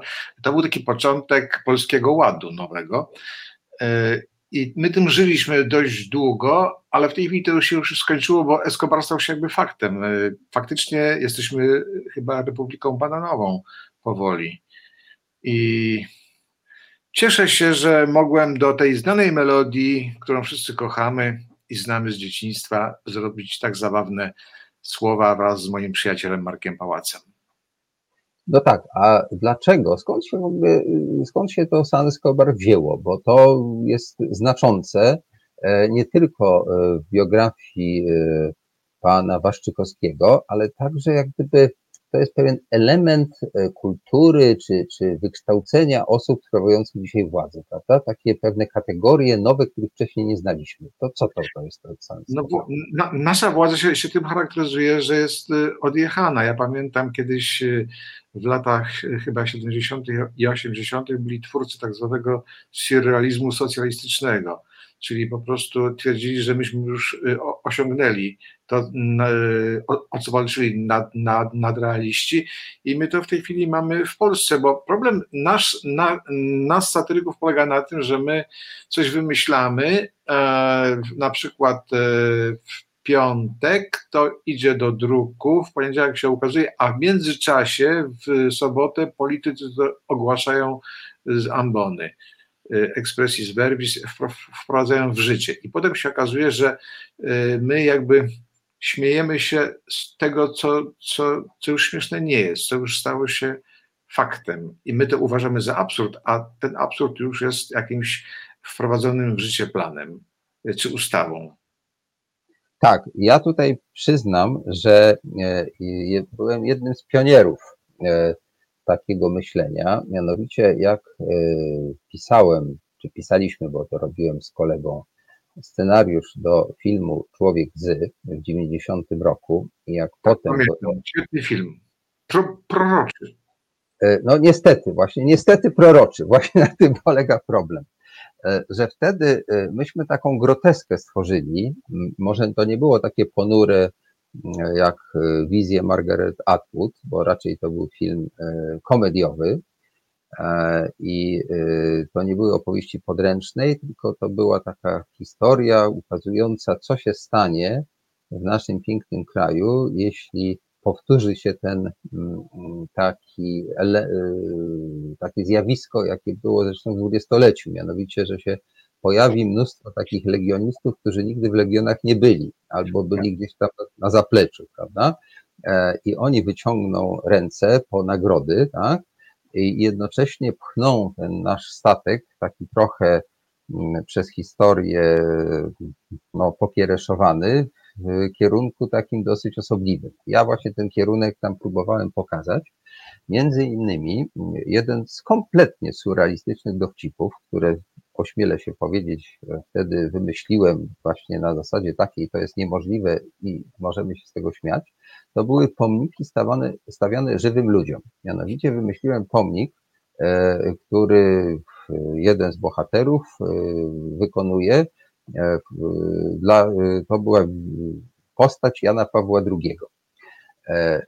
Wtedy Jan Paweł II był tym papieżem uwielbianym przez Polaków, postacią niesłychanie ważną, ale jednocześnie nikomu na początku lat 90. nie przyszłoby do głowy, żeby stawiać pomnik żyjącemu człowiekowi, uważanemu wtedy i za wybitnego męża stanu, i przywódcę religijnego, ze wszechmiar ważnej postaci, ale jednocześnie człowieka bardzo takiego krytycznego i racjonalnego. No, zapraszał wtedy Adama Michnika do Castel Gandolfo i tak dalej. Była taka no, symbioza, bym powiedział, tych, tych wszystkich ludzi, którzy chcieli ten kraj zmienić. No i myśmy ten pomnik e, e, wymyślili. Ten pomnik był rzeźbiony przez aktora granego przez Adama Ferency. Tak, pamiętam. Ale to wzbudziło już wtedy takie jakieś niezdrowe emocje, że przyjechała specjalna wizytacja z Komitetu Kinematografii. Teraz to się nazywa Polski Instytut Sztuki Filmowej. Wtedy była taka inna agenda Ministerstwa Kultury E, i sztuki, nie było dziedzictwa narodowego i oni chcieli wiedzieć właściwie, co ja tam robię, bo to było finansowane z budżetu państwa, jak zresztą właściwie jest do dzisiaj, aczkolwiek pieniądze są ze specjalnego takiego podatku, ale de facto to jest przez państwo kontrolowane. No więc te państwowe pieniądze poszły na ten film, no to przyjechała delegacja, przyjechał wiceminister i ja, żeby zrobić tę scenę, żeby mi to nie ingerowano, to musiałem zrobić tak, że ustawiłem szybko scenę, zanim oni dotarli. E, powiedziałem nieżyjącemu już dzisiaj niestety fantastycznemu operatorowi mm, e, Włodkowi Głodkowi, żeby to na, właśnie tak nakręcił, taką jazdę ułożyliśmy. Adam Ferency wiedział, co robi. E, drugi reżyser został, żeby, że tak powiem, to ujęcie wykonać, a ja szybko przemieściłem się do lasu z tą ekipą kontrolerów żeby ich tam zabawiać różnymi idiotycznymi anegdotami, żeby odciągnąć ich uwagę od tego pomnika, który mógł wzbudzić wtedy już niezdrowe emocje, tak? Jak to możliwe jest, żeby się tutaj jakby naśmiewać, tak? No i e, to nie jest jedyna rzecz, którą w tym filmie tak zrobiłem. E, też jest końcowa sekwencja, która mm, jest w poetyce takiego E, katorealizmu, takiego filmu heroizującego wszystko, co się da i tam tych krzyży i różnych tam matek boskich jest co niemiara. E, także e, no, takie coś zrobiłem. Biję się w piersi, że rzeczywiście przyszło mi to do głowy, że można taką fantazję, tak, taką, taką jakby negatywną fantazję, powiedzmy wprost. No i potem się okazało, że te moje pomysły, dokładnie tak jak ty to mówisz, ktoś zaczął wcielać w życie. Nie wiem, czy to byli widzowie, którzy ten film obejrzeli. Pamiętam, że na premierę na przykład przyszedł Ryszard Czarnecki. E, dzisiaj jest e, polityk znany z tego, że tym samochodem. Stojny, szczupły, czarny włosy mężczyzna. Tak, tak, ale on o tyle był ciekawym e, człowiekiem, że się po pierwsze spóźnił, a po drugie zażądał od bileterki, żeby przyniosła mu fotel, a kino było tak pełne, że ludzie siedzieli na podłodze i nie można było wetknąć szpilki. Ta bileterka do mnie podeszła i mówi, panie Konradzie, co ja mam zrobić z tym facetem? To pamiętam, było w 93 roku gdzieś tam, tak. e, wczesną jesień. No dobrze, ale oddaję Tobie głos. Już teraz się nie wychwalam sam, tylko chcę. Za, za, za, zanim oddasz mi głos, ja przejdę do czynu, to pozwolisz, że dokonam pewnego przemeblowania. Otóż wyrzucasz zegar, bo z jednej strony tyka mi zegar, ja go słyszę, a z drugiej strony słyszę ciebie i słyszę siebie. I to mi strasznie, strasznie dyskomfort. Że, żeby na napięcie nie spadało, ja będę ciągle mówił. Proszę Państwa, Dobrze. właśnie zegar wyciągam, wyrzucam go za drzwi i dopiero o 6 rano o 6 rano się zegar włączy, jak przyjdą odpowiednie służby. E, Konradzie, więc tak. E, kiedyś e, jeden z moich ulubionych felietonistów i człowiek, którego miałem osobiście zaszczyt poznać jeszcze w tygodniku wprost, jak tam felietony swoje umieszczał, Stefan Kisielewski powiedział jedno z moich najulubieńszych, jedną z moich najulubieńszych sentencji, czyli lepiej E, mylić się ze wszystkimi, niż mieć rację w pojedynkę. I ty byłeś wtedy kimś takim, kto, kto właściwie już na samym początku włożył ten kij w mrowisko, który jakby już przewidział, jak rzeczy będą się toczyły. I ja ten film z lubością wspominam, bo ja wiedziałem, że, że, że on już przewiduje pewną przyszłość. I tam właściwie było wszystko. Na, na, nawet, na, nawet LGBT było. Na, tak, tak. Jestem Ci za bardzo wdzięczny. Zresztą y, grał tam też taki epizod y, ciekawy Krzysztof Kowalewski, mój i pewnie Twój też ulubiony aktor, potem z, filmów Barei. To, to, to właśnie było takie polskie, troszkę z Barei, troszkę nawiązujące taka parodia, oczywiście człowieka z marmuru. Przy okazji pochwalę się dowcipem, który chyba mogę powiedzieć, mimo że nie jest godzina 22, jeszcze nie minęła. Otóż taki zrobiłem rysunek, publikowałem go nawet. Y, jest człowiek z y, marmuru, człowiek z żelaza i na trzecim obrazku jest Piotrowicz w tej todze, jest członek z PZPR. Także y, mamy dużo inspiracji przez te, przez te y, filmy, którzy nas, y, które nasi klasycy stworzyli. Jest, jestem tym, tym, y, bardzo wdzięczny z tego powodu, ponieważ mm, mm, to, że kultura czy żart jest popularny i czytelny, wynika z naszych wspólnych odniesień. Więc jeśli mamy wspólne lektury, wspólne filmy, jakiś tam kanon, to dzięki temu można można tworzyć sztukę. Ja na przykład e, zrobiłem parodię e, Murzynka Bambo. Nie wiem, czy teraz można mówić w ogóle Murzynek, tylko mówi się chyba Afroamerykanin, tak? Wiesz, to jest problem, ponieważ słowo murzyn w Polsce nie ma jednego znaczenia. Na przykład na planie filmowym jeśli oświetlasz coś lampą, ale nie chcesz, żeby to światło z tej lampy e, świeciło na wszystko, tylko mm, operator niejako maluje światłem, prawda? Operator to nie jest ten, co trzyma kamerę, tylko to jest ten autor zdjęć, tak? Czyli I on, e, tak, tak. I on e, tym swoim pomocnikom oświetlaczom mówi, gdzie mają postawić te lampy, oni je stawiają, on patrzy, czy to dobrze wygląda i jeśli tego światła jest za wiele, na przykład tutaj można by tło trochę za mną wysłonić i wtedy stawia się między lampą a tym obiektem tak zwane murzyny. Czyli to są takie kawałki czarnego papieru, czy jakiejś innej tam substancji na statywach i one w języku kinematograficznym nazywają się właśnie murzyn, bo są czarne, tak? Nikogo to absolutnie nie ma dotknąć, to absolutnie nie jest rasistowskie czy jakiekolwiek inne i trudno uciec od tego, no bo ja, no postaw tam murzyna, tak? To przecież nie znaczy czegoś bardzo głupiego, tylko to znaczy dokładnie to, o co chodzi. E, I istnieje bardzo wiele tego rodzaju użyć kontekstów i tak dalej, łącznie zresztą ze wspaniałym wierszem y, o Murzynku Bambo. No e, ja jestem trochę w ogóle przeciwnikiem wycinania tych naszych elementów kultury, które kiedyś były, ponieważ jak jesteśmy cywilizowani, no to mamy całkowitą świadomość, że ludzie czarni są tak samo dobrzy i tak samo źli jak ludzie biali. I nie ma między nami poza kolorem skóry żadnej różnicy, tak? W związku z czym y, ta taka lingwistyczna poprawność, mówiąc szczerze, mnie trochę denerwuje, podobnie jak nie do końca jestem przekonany, że te końcówki, te, te feminatywy są rozwiązaniem problemu kobiecego w Polsce. Ja myślę, że kobiety mają większe problemy niż końcówki, tak? I ja mhm. jestem zwolennikiem tego, żeby zachować tutaj jakiś zdrowy rozsądek i na przykład nie, nie, nie zacząć mówić na mojego dentystę dentyst, tak? No bo jak będzie się nazywał dentysta, to co ma płeć zmienić? Tak. No, to jest, to jest problem, bo ja nie wiem na przykład, jak się y, zwracać do y, drodzy telewidzowie, drogie telewicki, y, drogie telewidzontka, bo to jeszcze przecież do, do dzieci. Ostatnio miałem okazję wykpić ten, ten właśnie słynny zwrot Polki i Polacy. Przecież to jest jakiś skandal. Mamy Niemców, mamy Bułgarów, mamy Francuzów, mamy Szwedów, a w Polsce są Polki i Polacy. I powinny być jeszcze Polaczątka, a osoby starsze to Polaczyska. Więc ten absurd y, to jest rzecz straszna, a poza tym najgorsze jest to, jak politycy y, siebie wzajemnie małpują i prześcigają się w swoich pomysłach.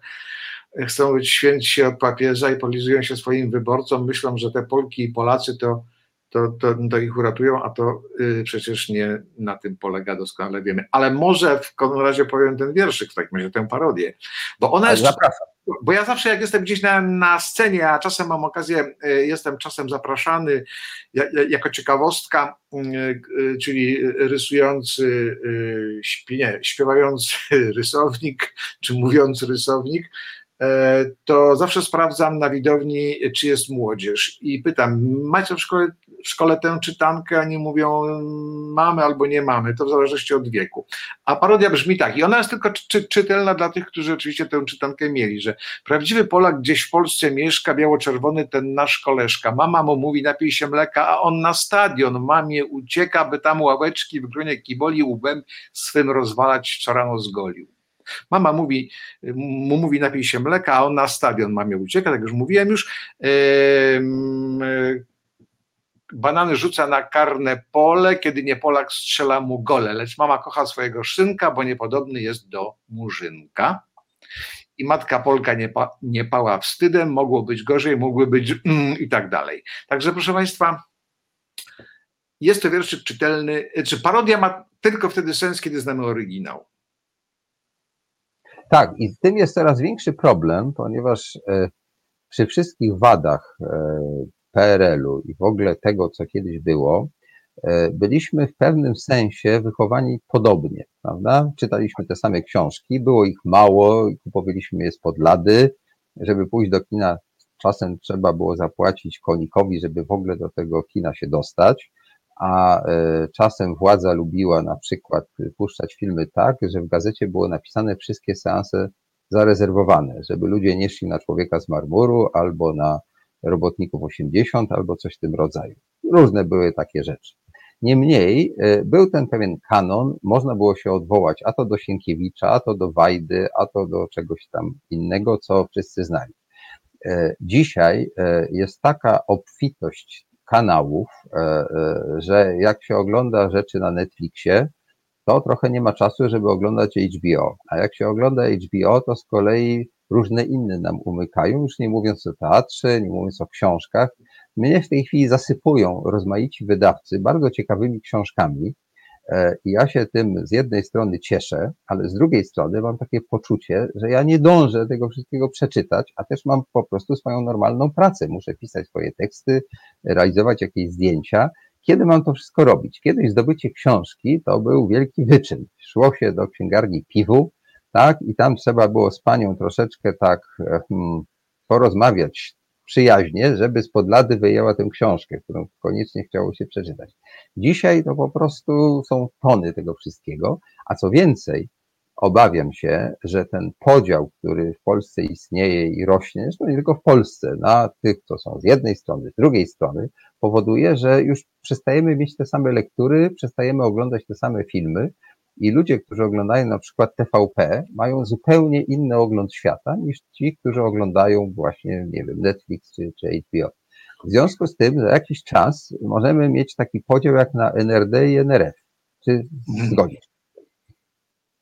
Y, słuchaj, to jest problem, bo y, y, właśnie wielu moich znajomych tęskni za takim uporządkowanym światem, kiedy, kiedy właściwie wszyscy oglądaliśmy te same mecze, te same programy, zresztą były tylko dwa programy, pierwszy i drugi, były ciągle te same seriale, wszyscy to, to, to znali, było o czym rozmawiać, potem na spotkaniach. Każda aluzja była czytelna, wszyscy wiedzieli o, o, o co chodzi, Y, jak się powiedziało o kasztanach na placu Pigal, to każdy mógł sobie to potem jakoś tam dokończyć i wszyscy się przerzucali cytatami. Teraz jest po prostu niemożliwe, bo tego po prostu jest naj, najzwyczajniej y, w świecie za dużo i i to jest problem. Z książkami oczywiście. Ja mam na przykład taki problem, y, rozwiązałem go w ten sposób, że moja, żo moja żona czyta książki, a ja czytam magazyn książki. Ponieważ naprawdę Y, jest tyle opracowań, y, tyle tych spoilerów. Często często przekonałem się, że, że wywiady z, pisarza, z pisarzami są ciekawsze niż, niż, niż książki. Często byłem na spotkaniach gdzieś tam, na jakichś tam wyjazdach typu e, Media i Sztuka i jest spotkanie z autorem książki i okazuje się, że autor książki, jak już ma spotkanie, to on właściwie powie o tej książce wszystko. A powie e, najciekawsze rzeczy, ponieważ no, e, chce dobrze wypaść. No więc e, wszystkie rodzynki już są sprzedane. I potem ja, ja kupuję książki, okazuje się, że właściwie, właściwie już nie muszę jej czytać. Oczywiście yy, tak, tak nie jest zawsze, ale ale tak się y, dzieje dość często i nie jesteśmy w stanie z, z, tym nadmiarem nic zrobić, bo y, wiele filmów, na przykład, które chciałbym obejrzeć, okazuje się, że, że nie ma ani na HBO, ani na Netflixie, ani na Apple TV, tylko gdzieś na, jakimś, y, na jakiejś innej platformie, więc tam biorę na tydzień albo czasem usiłuję, chciałbym kupić, się okazuje, że nie można, bo muszę kupić cały las od razu, przepraszam, cały browar, żeby się jednego piwa napić. Także jest to problem. A z tym czytelnictwem to jest taka historia, że my faktycznie mało czytamy, aczkolwiek mm, aczkolwiek y, często wydaje mi się, że też to jest takie narzekanie wydawców, że y, w tle się, się czai to, że mało kupujemy. O. Y, a nie mało czytamy, bo y, znam ludzi, którzy mają y, półki pełne książek, które nigdy nie przeczytali. Ale opowiem Ci anegdotę. Otóż mój przyjaciel, który zajmuje się zawodowo książkami, często będąc za granicą, na, przykład w Grecji, na plaży, sprawdzał, co ludzie czytają. I mówi, byłem pewnego razu w takim hotelu, w takim, w takim ośrodku, gdzie byli Polacy i Niemcy. I Patrzę, a tam na plaży leżą ludzie i czytają. Podchodzę i zaglądam, co czytają. No i okazało się, że wszystkie książki były w języku niemieckim. Także mm, no mamy trochę, do nadrobienia. Ja myślę, że czytanie książek to, y, to nawet nie jest to, że wzbogacamy język, ale przede wszystkim czerpiemy jakąś wiedzę, bo można przecież czytać y, jakieś 365 dni albo, albo, albo, albo jakieś proste, proste jak to się nazywa, harlekiny właśnie, to one, one przecież chyba nic, nic, nic nie wnoszą, są tylko papką dla, dla y, taką gumą do, do, do rzucia dla, dla oczu i dla mózgu, ale y, martwi mnie to, że ludzie nie czytają poważnych książek. Ja na przykład chciałbym, y, ko, ko, korzystając z tego, że stoję przy mikrofonie, niech mnie który przegoni, polecić książkę, którą jestem zachwycony absolutnie. Jest to książka Briana Portera, dalej nie wiem jak się czyta, bo to jest drugie nazwisko Zix chyba, i to jest... A, Porter Sucz. Sucz, tak? O widzisz. Tak, tak, tak, tak. Ale to jest osoba, którą chcę zaprosić. Chcę zaprosić tutaj. Mam nadzieję, bo y, Brian Porter Sucz y, mówi po polsku. Mieszka teraz w Ameryce. Jak był w Warszawie, bo tutaj przez jakiś czas też mieszkał, kiedy pisał książkę, o której mówisz, ta książka leży na moim biurku. Ba, no, ja nawet, tylko na u góry. Nawet ją y, częściowo przeczytałem. Mam nadzieję, że będziemy mogli z nim rozmawiać, ponieważ internet daje możliwość taką, jak będzie chciał zarwać noc, żeby, czy, czy będzie u niego dzień, u nas wieczór. No tak, to chyba tak, tak zrobić. Także tutaj y, tak y, nieśmiało zapowiadam, mam nadzieję, że się uda, że Brian Porter Such będzie z nami tutaj rozmawiał. Absolutnie się zgadzam, rewelacyjna książka. Książka rewelacyjna, bo wiesz, y, tytuł to jest, podtytuł właściwie to jest Historia Polski bez martyrologii. Ja powiem Ci, że ja zacząłem tę książkę czytać od końca. To mi się często zdarza. Y, czasem książki czytam na wyrywki, czasem, y, y, czasem od środka, czasem od końca. I tę zacząłem od końca, ponieważ tam jest historia PRL-u. Bo tak. to się historią PRL-u. I to jest pięknie rozpracowany PRL i nikt tego nie zrobił tak trzeźwo, tak rozsądnie, z takim dystansem, oddając właściwie pewną sprawiedliwość, czyli pokazując i wszystkie oczywiście minusy i obrzydlistwa, ale pokazując też plusy, które niechcący zawsze, czy tam y, chcący, każdemu się udają. W każdym razie mnie to natchnęło, wiesz, nie do piosenki, ale do takiego mm, y, monodramu. Chciałbym zrobić taki, nie, monodram nie, stand-up. Chciałbym taki zrobić stand-up i myślę, że pomysł jest taki, że, że, że mówi dziadek, mówi tak, wnuczek mówi, dziadku, a jak to było za PRL-u? Ach, drogi, drogi wnuczku, to było tak, to PRL, to sobie wyobraź, to był taki, przez 45 lat to był lockdown. Myśmy siedzieli w domach, jak ktoś chciał wyjść z domu, to ubecja z karabinów maszynowych naparzała. Jak ty chciałeś pójść, wnuczku, na przykład do sklepu, to kanałami, kanałami. A jeśli chodzi o kościół, drogi wnuczku, no to, to było tak, że do kościoła nie można było chodzić, tylko komuniści mogli chodzić do kościoła. A wnuczek mi, co, Piotrowicz chodził? No właśnie. A taki był Kościół prześladowany, że na przykład Donald Tusk, to, to on ślub kościelny wziął dopiero 15 lat po upadku ustroju. No, coś takiego sobie wymyśliłem. Yy, naprawdę, oczywiście. Yy, mnie Teraz się, napisać. Mnie się twoje monologi i twoje występy podobały zawsze i jestem tym bardziej, że tak powiem, zainteresowany, jak ty to zrobisz w przyszłości, bo się niewątpliwie rozwijasz.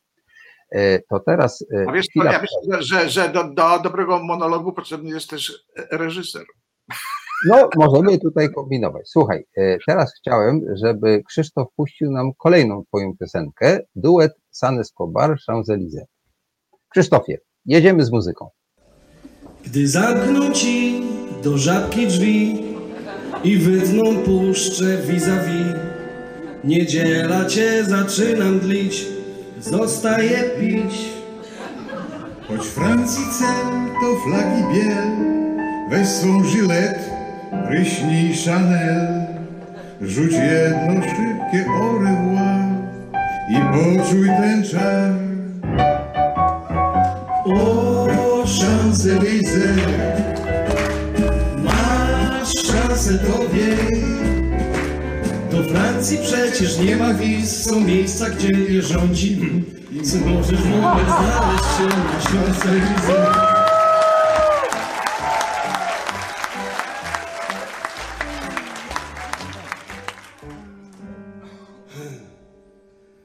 Gdy ziobro tuż, nie zaznasz snu, masz z gilotyną rendezvous.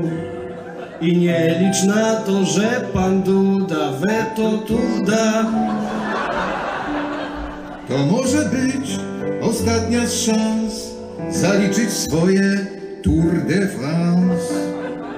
To Paryż woła enchanty na Champs-Élysées.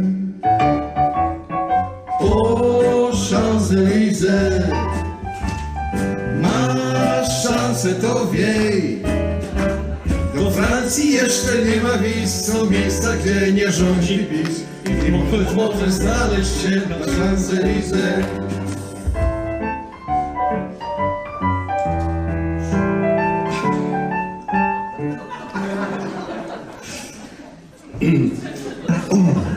Nasz atasze na jednej z sal nawalony jak karakal.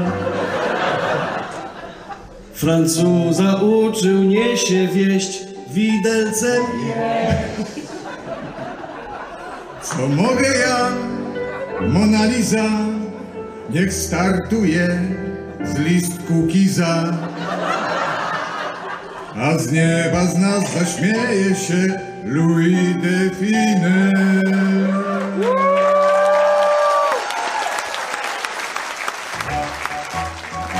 O Champs-Élysées,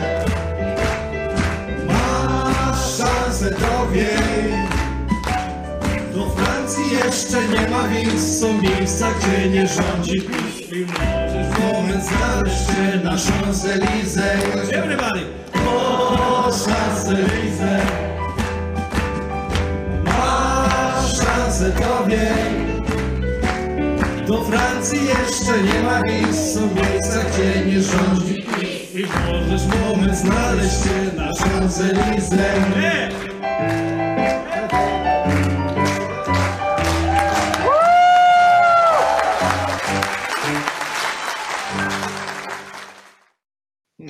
O Champs-Élysées. Prorocze. Gdy ziobro tuż nie zaznasz snu, masz z gilotyną rendezvous. To jest sprzed trzech lat piosenka. Tak, no widać, e, że e, no, istnieje taki jakiś, no jak nie wiem jak to nazwać, duch, jakiś klimat, w którym e, pewnego rodzaju diagnozy, przewidywania się pojawiają, prawda? Że to jest coś takiego, co wisi w powietrzu i my to czujemy, my to jak, jakoś tam potrafimy e, wcześniej opisać. Ale wiesz, co jest ciekawe, e, wszyscy znają Twoje rysunki, więc o nich oczywiście możemy też rozmawiać, ale no, Sawka e, znaczy satyryczne rysunki. To jest oczywiste.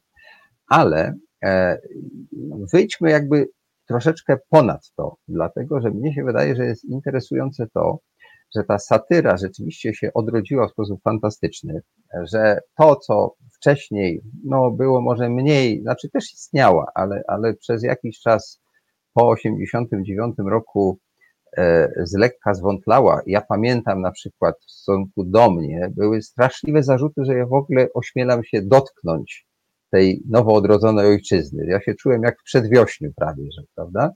A teraz to masz takie bogactwo, że właściwie wszyscy chcą tego, ale z drugiej strony ta władza, która dzisiaj tutaj nam miłościwie panuje, nie potrafi się tak jakoś zachowywać, jak na przykład pamiętam było w PRL-u. Działał kabaret pod egidą, były te wspaniałe różne miejsca, gdzie można było oglądać satyryczne programy, e, zarówno kino, jak i teatry pełne były rozmaitych zabawnych aluzji, cenzorzy to zwalniali, sami się śmiali i ta władza potrafiła takimi wentylami nawet do pewnego stopnia kupować dla siebie przychylność. Czy wyobrażasz sobie, żeby y, na taki występ przyszedł Jarosław Kaczyński albo Witold Waszczykowski? Y, no właśnie chyba niekoniecznie. Ja myślę, że kiedyś to władza jednak się trochę wstydziła tego, co robi tak naprawdę. Oni, oni gdzieś tam prze, przepraszali po cichu, ja pamiętam jakieś spotkania z oficjalami, to oni opowiadali świetne dowcipy e, na, na swój temat, czy tam e, ustroju, czy tam partii. E, problemem tej władzy jest to, że ona po prostu nie ma poczucia humoru, ani dystansu do siebie. Ona jest bardzo serio i, i to jest problem, bo ja myślę, że, że nas wolność, czy to w ogóle szeroko pojęte człowieczeństwo ratuje zawsze dystans do siebie i umiejętność śmiania się z siebie i spojrzenia na siebie z dystansem. A tutaj właśnie tego dystansu brakuje i obawiam się, że zresztą obawiam się, po prostu wiem od kabareciarzy, że jeszcze przed lockdownem, jak zapraszała lokalna władza na y, swoje jakieś tam dni pcimia czy, czy, czy czegoś, to mówiła kabaretom, czego ma nie być. A więc nie ma być o polityce, nie ma być o seksie, nie ma być o kościele, nie ma być o, alkoholu, czyli nie ma być o niczym. No to o czym? Kolonowiec. Już wiadomo, że są trzy, trzy, trzy tematy: seks, polityka i alkohol. E, e, ludzie e, tym żyją, bo, bo, bo to trzeba robić regularnie, w większych lub mniejszych odstępach, ale, ale, ale właściwie tym żyją. Zresztą, trawestując Stachurę, wszystko jest polityka. To, to już dawno odkryłem, więc, więc może nam grozić to, że faktycznie powstaną urzędy cenzorskie. To się nazywało kiedyś Urząd Publikacji Prasy i Widowisk. Kontroli, Zresztą, zapomniałeś słowa kontroli. Y, urząd tak, kontroli. Tak, y, kontroli. A wyobraź sobie, że, że opowiadał mi tak, taką historię Jacek Łapot z kabaretu Długi, że w latach 80. przyszedł do cenzora, który był taki dość srogi i cenzor mówi mu, proszę, słucham, no tutaj, tutaj mam taki tekst. Aha, dobrze, proszę bardzo. A ma pan coś jeszcze? No mam. No to dawaj pan.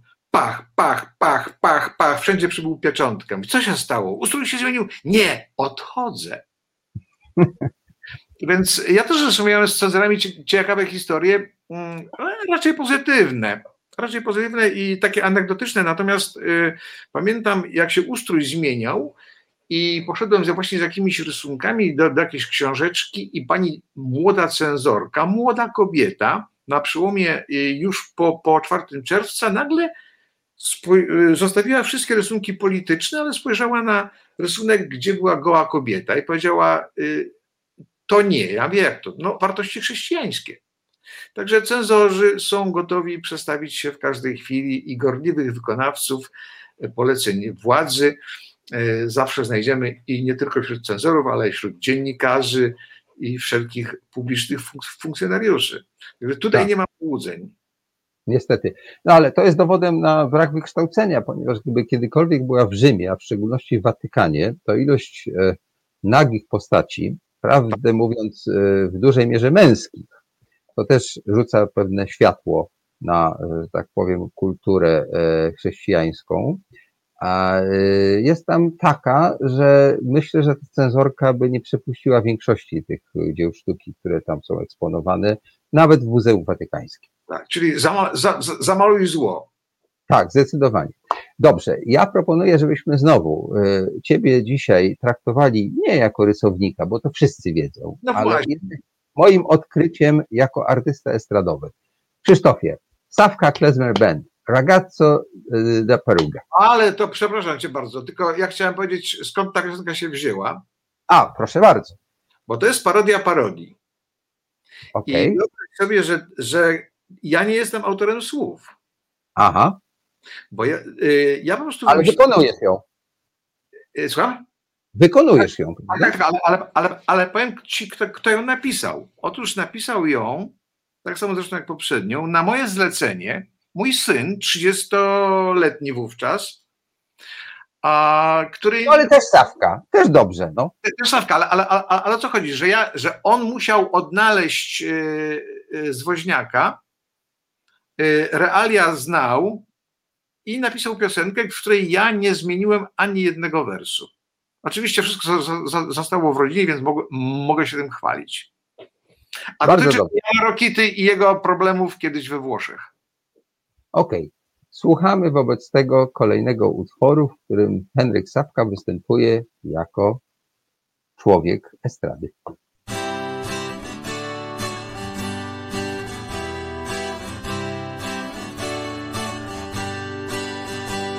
Ragazzo da Peruga, dochodzi właśnie druga, komornik puka w hotelowe drzwi. Lecz pusto jest w mieszkaniu, bo premier na wygnaniu, na pizzę wyszedł Anely wraz z nim.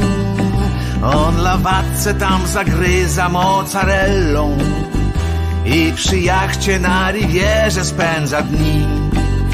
Swoją femme fatal nakarmi straciatellą Kasę na to wszystko wziął w Unicredit Ragazzo da Napoli Podjeżdża Berlusconi Jak premier do premiera sprawę ma. Nie żadne bunga bunga Do wzięcia jest fortuna Zapiszę go do Forza Italia. Nie przenoście nam premiera do Perugi Koncert zbiórkę mu zrobimy, będzie szał Tylko zamiast Bono niech zaśpiewa drupi.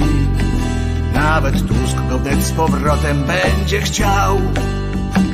Zamiast zapłacić składki Kupił żonie pomadki. Lecz skąd wytrzaśnie 300 tysięcy? Telefon do Giertycha, to w sądach wielka szycha, odszkodowanie będzie z Lufthansy. Jaś Rokita, Odyseusz w kapeluszu, nie chce wrócić, bo i taka dziki kraj. Starzy kumple się składają na funduszu, Dolce Vita, Carbonara, chwilotrwaj. Starzy kumple się składają na funduszu Dolce Vita Carbonara Chwilotrwaj Karabinieri Wehrmacht mnie bije No tak, w napisach jest Kuba Sapka słowa, a śpiewa Henryk Sapka. E, Ja myślę, że e, może z tobą być tak jak e, z Janem Christianem Andersenem, który myślał, że jest wybitnym twórcą oper, a znamy go jako twórcę bajek czy baśni, prawda? Tak, Chociaż właśnie. Tak. Chociaż moim zdaniem twoje dwa wcielenia są siebie warte. Także ja bym e, jakoś tak e, m, widział takie wydanie e, dzieł wszystkich, które będzie, będzie się składało z twoich wykonań piosenek i z twoich rysunków jako ilustracji. Myślę, że się tego... Jest jakiś taki pomysł mu- multimedialny, ale ja korzystając z tego, że, że, że właśnie puściłeś tę piosenkę, bo ja nie, yy, nie wiedziałem, co, co wybrałeś, to sięgnąłem w międzyczasie na półkę i, i, i mam taką ciekawostkę, bo nie wiem, czy, czy, czy, czy nasi słuchacze pamiętają, yy, że ja... Nasi widzowie nawet. Mamy widzów tutaj też. A, widzów. Y, Mam, mam, mam tutaj taką y, y, y, kopertę z tekstami wszystkimi Jacka Zwoźniaka, które on mi dał tuż przed swoją śmiercią tragiczną wtedy w tym wypadku i ja miałem to ilustrować i on miał wy- wydać śpiewnik. To był rok 90. I, to, I trzymam to. Teraz robiłem w trakcie pandemii porządki. No takie wiadomo, że nie, trzeba było te papiery uporządkować i ze łzą w oku to nie sądzę, może ktoś się kiedyś znajdzie, kto będzie chciał y, te, te teksty wydać, ale to jest naprawdę kawał naszej historii i te wszystkie Szoruj babciu do kolejki, córka poety i y, ragazzo na Napoli weszło do, do kanonu naszej sztuki kabaretowej. I zawdzięczamy to właśnie między innymi tobie.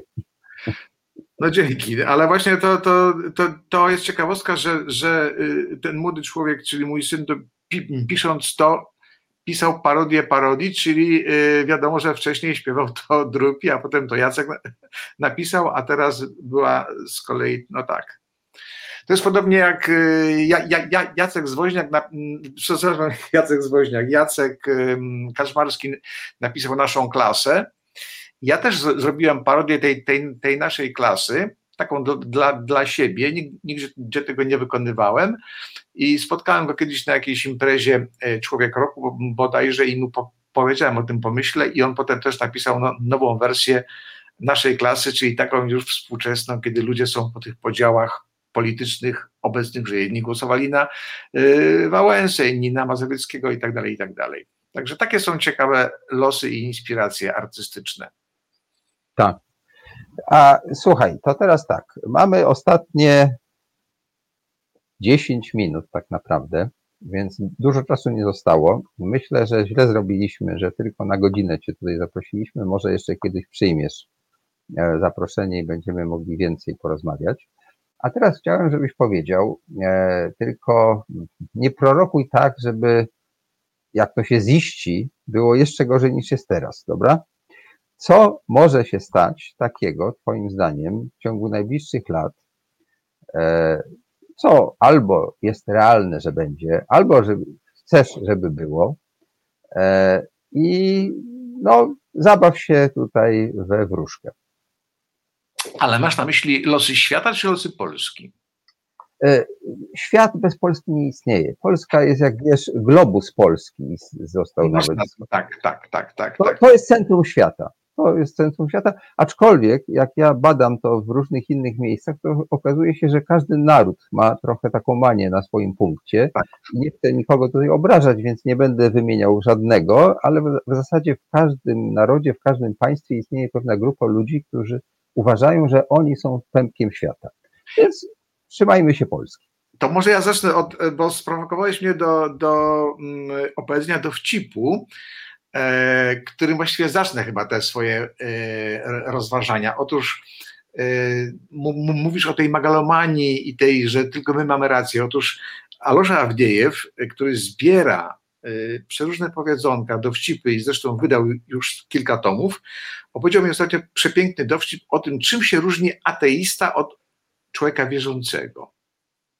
Otóż różnica między ateistą a wierzącym jest niewielka, jest no prawie, no prawie żadna, ona jest taka, taka drobniutka, ponieważ na 3000 istniejących religii, około 3000, ateista e, e, e, wierzący mówi, że 2999 to są religie fałszywe, a ateista mówi, że 3000. Tak, y, to jest całkiem trafne. Y, niedługo będziemy mieli tutaj zaszczyt gościć ateistów, którzy nam powiedzą, który ateizm jest prawdziwy. Ponieważ ateiści też dzielą się, podobnie jak y, chrześcijanie, na wiele tysięcy, no chrześcijanie może na więcej, ale ateiści też się dzielą na wiele odmian i oczywiście potępiają herezje, które też w tym nurcie istnieją. E, I to jest bardzo interesujące, jak można głęboko wierzyć w pewne ateistyczne, jak to powiedzieć, właściwie bóstwa to nie, ale takie jakieś no, jak takie, no tak, no do, dobrze powiedziałeś, no bóstwa. Bóstwa, tak, tak. Można, można ubóstwiać ateizm na przykład. tak, jak... zdecydowanie są, są ludzie walczący, którzy uważają, że ateizm jest no, tą najprawdziwszą z wiar, że w zasadzie wszystko inne powinny być potępione, e, a ich wyznawcy albo nawróceni, albo już boję się mówić co dalej. Ale to ładne, na, nawrócić się na ateizm. Wiesz, ja mam tak, takie, kiedyś miałem historię, e, że mnie chcieli z pewnego miasta e, dość dużego zaprosić właśnie ateiści, jakiś związek ateistów, żebym ja zrobił u nich wystawę. I wtedy ja mówię, no dobrze, no ale to wiadomo, trzeba tam dojechać. Mówię, y, koszt, mówię, za ile? A oni mówią, za Bóg zapłać. Oczywiście y, y, wymyśliłem to, ale, ale brzmi ładnie. W każdym razie, tak, wracając... Ale to, to, to się zdarza, bo ja też dostaję czasem takie zaproszenia, jako że no, wykonuję pewną pracę i jeśli mam spotkanie autorskie, to nawet czasem się do niego przygotowuję, to y, nie uważam, że jest rzeczą niewłaściwą, żeby zapytać o zwrot kosztów typu podróż, hotel, ewentualnie honorarium, bo tracę dwa dni życia i muszę tam Oczywiście. chwilę pomyśleć, co mam powiedzieć. No i bardzo często, no nie, nie tak często, właśnie to różnie bywa, ale zdarza się, że takie zdziwienie tam jest, Tak. że to, te, te, to, to bogactwo, które spływa na artystów w Warszawie czy w Szczecinie, wszystko jedno, to jest takie, że w zasadzie jeśli oni jeszcze za ten honor spotkania z odbiorcami chcieliby otrzymać honorarium, to jest w ogóle jakaś straszna sprawa. To w ogóle nie powinno być mm, między kulturalnymi To się ludźmi. często zdarza, masz rację, to, to y, ja często się, y, często o tym autorzy mówią i, i schemat jest na ogół taki, że, że, że dzwoni ktoś z jakiejś placówki, no dajmy na to, przepraszam, że tak mówię, z, y, z przysłowiowego, mówiąc językiem prezydenckim Pcimia i mówi, pan do nas przyjedzie, tam te 800 kilometrów i tutaj u nas weź, y, wystąpi y, w wieczorze autorskim na, na, na pytanie za ile, jak to? Przecież to jest dla pana promocja. Tak, ja wiem. I To zwykle jest- to są osoby, które tam mają swoje etaty, które mają swoje Tak. biura, e, niezależnie od tego, co się dzieje, co miesiąc na konto spływa ileś tam pieniędzy, prawda, ubezpieczenie i tak dalej. Natomiast artyści to żyją powietrze. Dobrze, ale wracam do tego troszkę może niezręcznego pytania. Co będzie, drogi Henryku? Y, No tego, tego najstarsi górale nie wiedzą, ale ja myślę, że będzie coś takiego, że będzie jakiś y, rodzaj końca świata, ale to będzie polegało na y, katastrofie ekologicznej, ekolo- ekologicznej raczej, a nie, a nie, a nie że będzie tam jakiś boski prikaz i, i albo że ludzie się będą wybijać w wyniku wojen. Wystarczy po prostu po co, po co wojna, po co y, broń atomowa? Wystarczy rozwalić jedną elektrownię i w tym momencie nie ma prądu, a jak nie ma prądu, to po prostu nie, nie działają komputery, nie działają Pegasusy, nie działają systemy naprowadzające i tak dalej. Naprawdę wie, wiele nie trzeba, wystarczy jakiś, nie wiem, wybuchnie wulkan y, y, w Islandii i zanieczyści powietrze i prze, przestaną la- latać samoloty, rakiety i tak dalej. Więc świat, świat się będzie raczej walił w kierunku ekologicznym, a dwa, no to, no to, to, to, to co też pisze Harari, no jednak sztuczna inteligencja, dużo nie, nie, niepotrzebnych ludzi, e, brak jakiejś takiej ciągłości w tym dawnym stylu, że dziadkowie, e, rodzice, wnuki, potem i, i ten taki, tak, ten, ten, to, ten circle of life, po prostu to, to zaniknie. Ludzie się będą e, rozwijać e, nie, nie, nie do przodu, tylko na boki. Teraz jest potężna ilość ludzi, którzy nie, nie zakładają rodzin, którzy, którzy wolą być e, singlami, którzy, którzy nawet y, biorą jakieś takie proste prace, tylko zapewniające im przetrwanie, więc po prostu to się, to, to się zmienia, jest to wynik globalizacji, wynik różnych przyczyn, y, przy, przy, przy, przyczyny są ekonomiczne. Y, Natomiast jeśli chodzi o Polskę, no to może być kiepsko, ponieważ istnieje tak zwany kryzys przywództwa i teraz wejdę na politykę. Otóż Widzę, co się teraz dzieje w tych naszych różnych partiach. Powstają tam wodzowie, y, palikoty, Petru i tak dalej. Oni są oczywiście bardzo fajni. To y, z palikotem miałem okazję parę razy rozmawiać o Gombrowiczu i innych rzeczach. To jest strasznie inteligentny człowiek, ale, ale, ale to nie jest polityk. Polityk to jest ktoś, kto po prostu bardzo chce i lubi rządzić i ma taki instynkt rywalizacji. I polityk, szef partii to jest coś innego niż, y, niż polityk, y, niż, niż na przykład premier czy, y, czy minister. Zauważmy, że na przykład y, Kwaśniewski bardzo był y, y, człowiekiem, który potrafił jako dyrygent do- dobrać sobie członków orkiestry i nimi dyrygować. I miał pasję sportową. On lubił wygrywać, on lubił grać w tenisa, on się sportem interesował i pasjonował. Tusk też lubił haratać w gałę, być najlepszy na boisku i tak dalej. Więc instynkt przywódcy, chęć dowodzenia, kochanie władzy. Dla, dla z kolei dla Kaczyńskiego mm, sportem jest władza. I on, to, on po prostu chce rządzić. Natomiast y, w takiej platformie tam nie ma chętnych do, do, do rządzenia. To są po prostu y, faceci, którzy myślą, że wystarczy coś powiedzieć w telewizji i to się samo zrobi. Więc dopóki się nie znajdzie y, w opozycji ktoś, kto pała rządzą władzy, no to, że tak powiem, żadnej, y, żadnej w Polsce przeciwwagi dla rządzących nie będzie i będą sobie mogli rządzić. Jak będą rządzić, trudno powiedzieć. No, zmierza to raczej y, w kiepskim kierunku, no ale nie wiadomo. Y, czasem, czasem rzeczywistość przynosi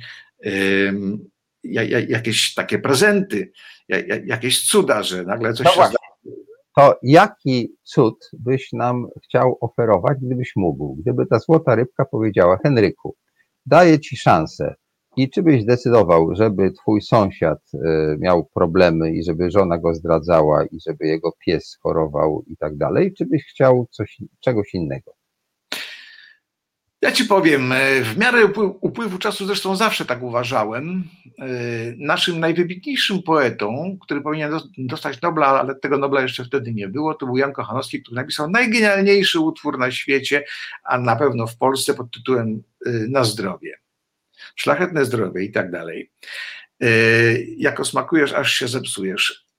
Najważniejszą rzeczą w życiu ludzkim jest zdrowie. Jeżeli człowiek jest zdrowy i ma trochę oleju w głowie, to ze wszystkim i, i oczywiście chęci, to prawie ze wszystkim może dać sobie radę. To jest, jak powiedział ten twórca państwa izraelskiego, że, że jak zdrowie dopisuje i interes się kręci, to wszystko można przeżyć. Ja taką, y, taką y, filozofię prezentuję, że y, jeśli sobie poradzimy z pandemią, to świat wróci na jakieś tam tory życia troszkę inne, bo, bo, bo, bo wiadomo, ale ja jestem gotów się y, szczepić jak cukrzycy, nawet codziennie sobie wbijać, y, byleby y, móc funkcjonować, byle móc się spotykać z ludźmi, wyjeżdżać w trasy, grać w turniejach tenisowych, jeździć konno, no i w ogóle i bywać w kinie, bo Netflix, Netflixem to jest cudna sprawa, ale jednak kiedy się jest w prawdziwym kinie, z filmem sam na sam, tu i teraz, bez możliwości zatrzymania, pójścia po herbatę, to wtedy jest y, prawdziwe oglądanie. Myślę, że y, jest jednak właśnie taka jakby magia, tak, która istnieje w kinie, choćby przez to, że nie możemy się ruszyć, wokół emocje ludzi też nas jakoś nakręcają. To samo jest z teatrem. E, że zarówno teatr, jak i kino daje to przeżycie wspólnotowe i ono tak. jest nie do powtórzenia i są pewne zdarzenia, które pamiętamy potem przez całe życie. E, a takich doświadczeń przy oglądaniu telewizji, czy nawet na dużym ekranie, ja mam w domu taki rzutnik, to mam ekran taki kilka metrów, nie wiem, cztery metry czy coś, ale to nie jest do końca to samo, aczkolwiek przyznam, że całkiem lubię filmy w ten sposób oglądać, jest zupełnie inaczej niż na telewizorze. Ja mam z kolei duży te telewizor i wiesz, staram się siadać jak najbliżej i wtedy mam, mam, mam podobne zwrócenie. Ale to, ale to z, z tym kinem to, to jeszcze wiesz, co mnie y, natchnęło y, to do, do, do, tego spostrzeżenia, że powiedział mi kiedyś pewien y, przyjaciel, który Mirek Lewiński, który opłynął świat swoim jachtem. On powiedział, że na morzu i właśnie kiedy jesteś na morzu sam na, na jachcie, to jesteś tu i teraz i tutaj nie ma żadnej lipy. Tak, i trochę tak jest, jak jesteśmy w kinie i jest tylko ekran i emocje ludzi wokół nas. Zachęcamy wszystkich, żeby wrócili do kina i do teatru. Musimy, musimy kończyć, czas upływa. Bardzo Ci, Henryku, dziękuję. Mam nadzieję, że jeszcze tutaj i nie tylko tutaj spotkamy. E, I cóż, dziękuję także Maciejowi Finkwartowi, dziękuję wszystkim naszym widzom, odbiorcom i zapraszam za tydzień o tej samej porze. Dobranoc Państwu. Dziękuję, dobranoc. Reset Obywatelski. Podobał Ci się ten program? Reset to medium obywatelskie, którego jedynymi sponsorami jesteście Wy, odbiorczynie i odbiorcy. Wesprzyj nas na zrzutka.pl i pomóż budować niezależne medium.